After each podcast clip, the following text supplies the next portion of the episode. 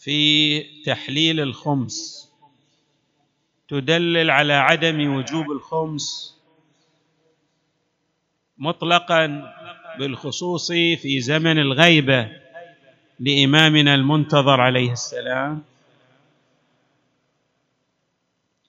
الجواب. اولا ينبغي أن نلتفت عمن نأخذ الدين نحن.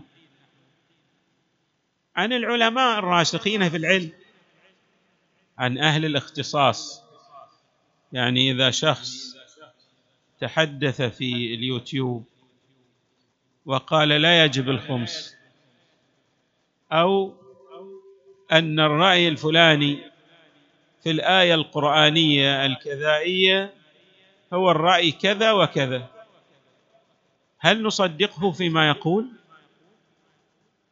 هو ليس من أهل الاختصاص وكثير من هؤلاء أصلا حتى اللغة العربية لا يتقنونها.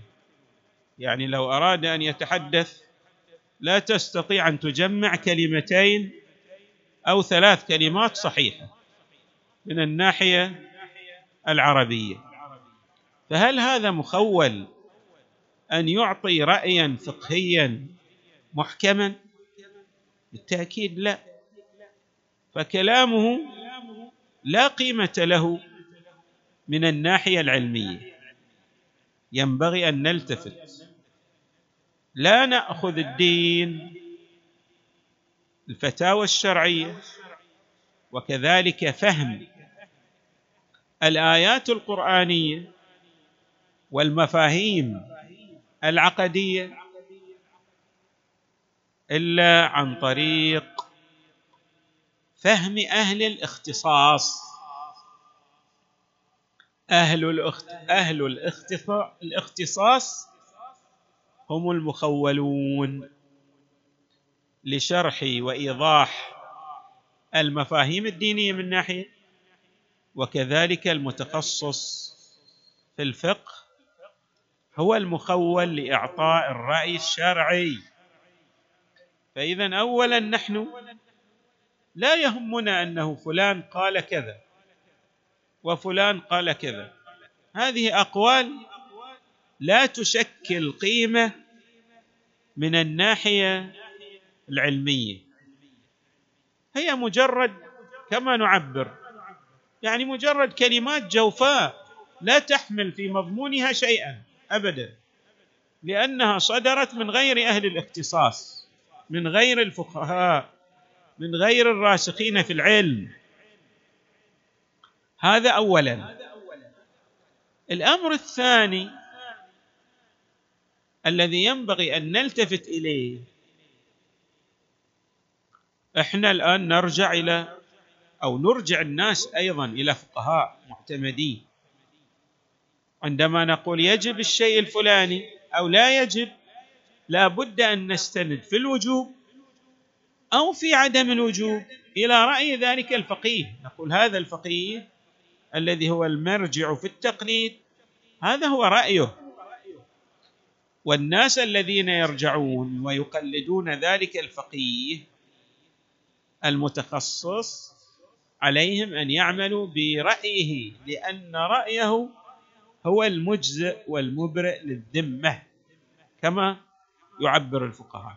يعني ما نعم هناك مسائل احتياطية نرجع فيها إلى رأي فقيه آخر ولكن هذا الفقيه الآخر أيضا هو من أهل الاختصاص من أهل العلم. ولا نرجع إلى أي شخص كان يخالف رأي الفقيه فيما أفتى به. اذا رقم واحد نحن نحن لا نرى قيمة لقول غير الفقيه في المسائل الفقهية. هذا رقم واحد. رقم يعني رقم اثنين. لا بد أن نأخذ من الفقيه المتخصص الرأي الفقهي الرأي الفقهي لأن يمر عبر مقدمات كثيرة. لا يعي لا يعرف هذه المقدمات إلا المتخصص الذي درس في الحوزات. المسألة ليست اعتباطية. لا بد أن نرجع فيها إلى المتخصص من الناحية الفقهية. نجي إلى روايات التحليل. نشوف الفقهاء عندما يقرؤون هذه الروايات يعطون لها أكثر من تفسير. هناك تفاسير متعددة. يعني ما نرى فقيها.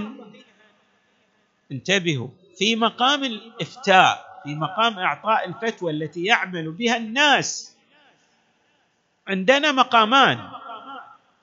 مقام نسميه مقام الاستدلال. وعندنا مقام إعطاء الفتوى إعطاء الرأي الفقهي. الفقيه قد يقول رايا في مقام الاستدلال لكنه لا يعتمد هذا الرأي في مقام الإفتاء. ونحن أيضا ينبغي أن نلتفت إلى أن الرأي الذي نأخذ به هو ليس رأي الفقيه. من ناحية مقام الاستدلال وإنما نأخذ برأيه في مقام شنو؟ إعطاء الفتوى التي نعتمد عليها في العمل نستند بها إلى الله يعني تكون على حد تعبيرهم العلمي منجزة للتكليف ومعذرة في صورة الخطأ. لو الفقيه ما يصيب الواقع. ولكن هذا رأيه الذي يفتي به لمقلديه لمن يعمل برأيه.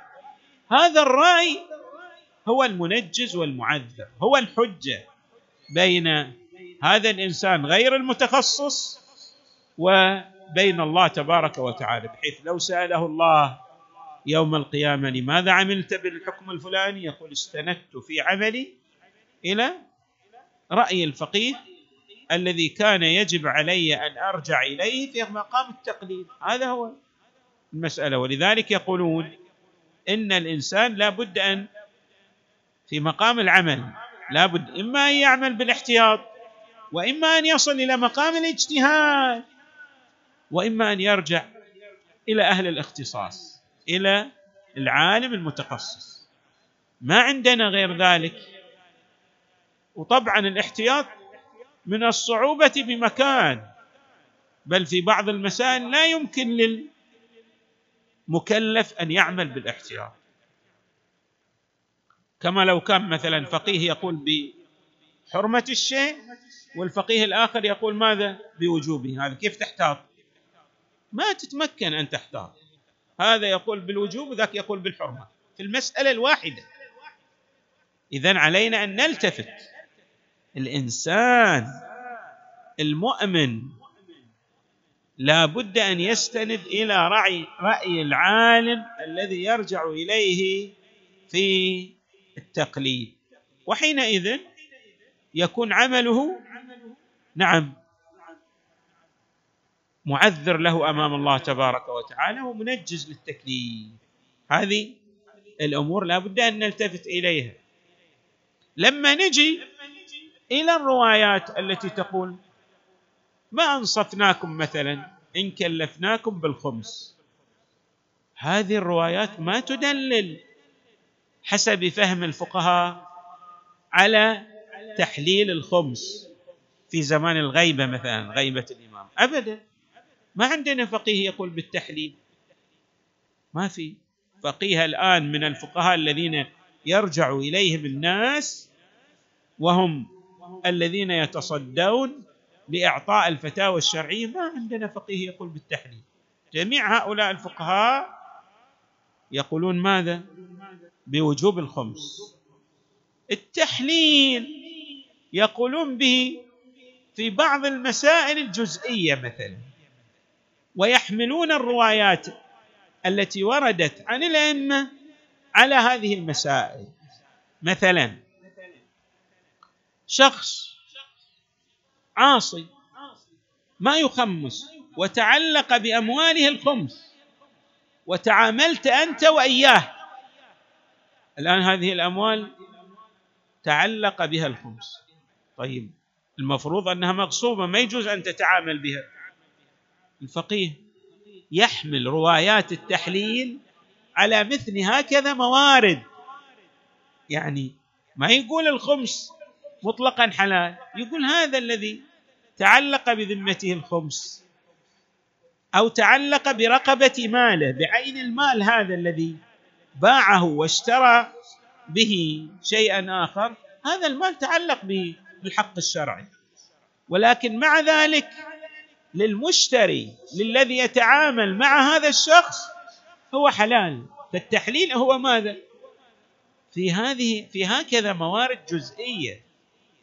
وليس بنحو مطلق. يعني ما نجد فقيها يقول في مقام الإفتاء. قد يكون في مقام النظرية يقول لعل هذه الروايات من الناحية الدلالية تدلل على عدم وجوب الخمس. وحتى هذا الذي يقول يقوله بنحو الاحتمال لعل لعل. لأن عنده ماذا؟ عنده أشياء تضاد هذا الرأي. مثلا السادة أبناء رسول الله صلى الله عليه وآله الله حرم عليهم الزكاة. طيب الفقراء منهم من أين يأكلون؟ يأكلون من الخمس كما جاء في الروايات فإذا الخمس هو المورد الاقتصادي لبعض الفئات من الناس. بالإضافة إلى أن مسألة استمرار مذهب أهل البيت عليهم السلام يرتبط ارتباطا جذريا بالخمس. فلو قلنا لا يجب الخمس معناه أن الشريان الحيوي لمذهب أهل البيت الحوزات من الذي يدفع هذه الرواتب لطلبة العلم؟ في الحوزات العلمية. هذه الحوزات ما تقوم على رواتب تستلمها الحوزات من مثلا الحكومات. لا. حوزات تقوم على هذه الحقوق الشرعية التي يدفعها الناس بعنوان الوجوب الشرعي.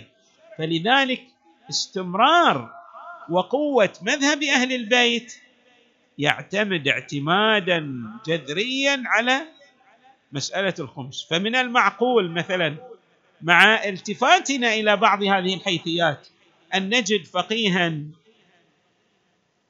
رأيه من الآراء المعتبرة يعني له وزن علمي يقول بتحليل الخمس في زمن الغيبة؟ لا.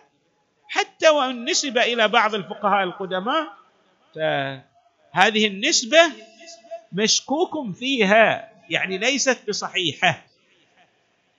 فإذا حري بنا أن نعرف أن هناك محامل متعددة. أنا ذكرت الآن محملا واحدا وهناك عدة محامل بعضهم يعني يوصل هذه المحامل إلى ثمانية محامل أو أكثر من ثمانية محامل. للروايات القائلة بتحليل الخمس أو التي يستفاد منها تحليل الخمس.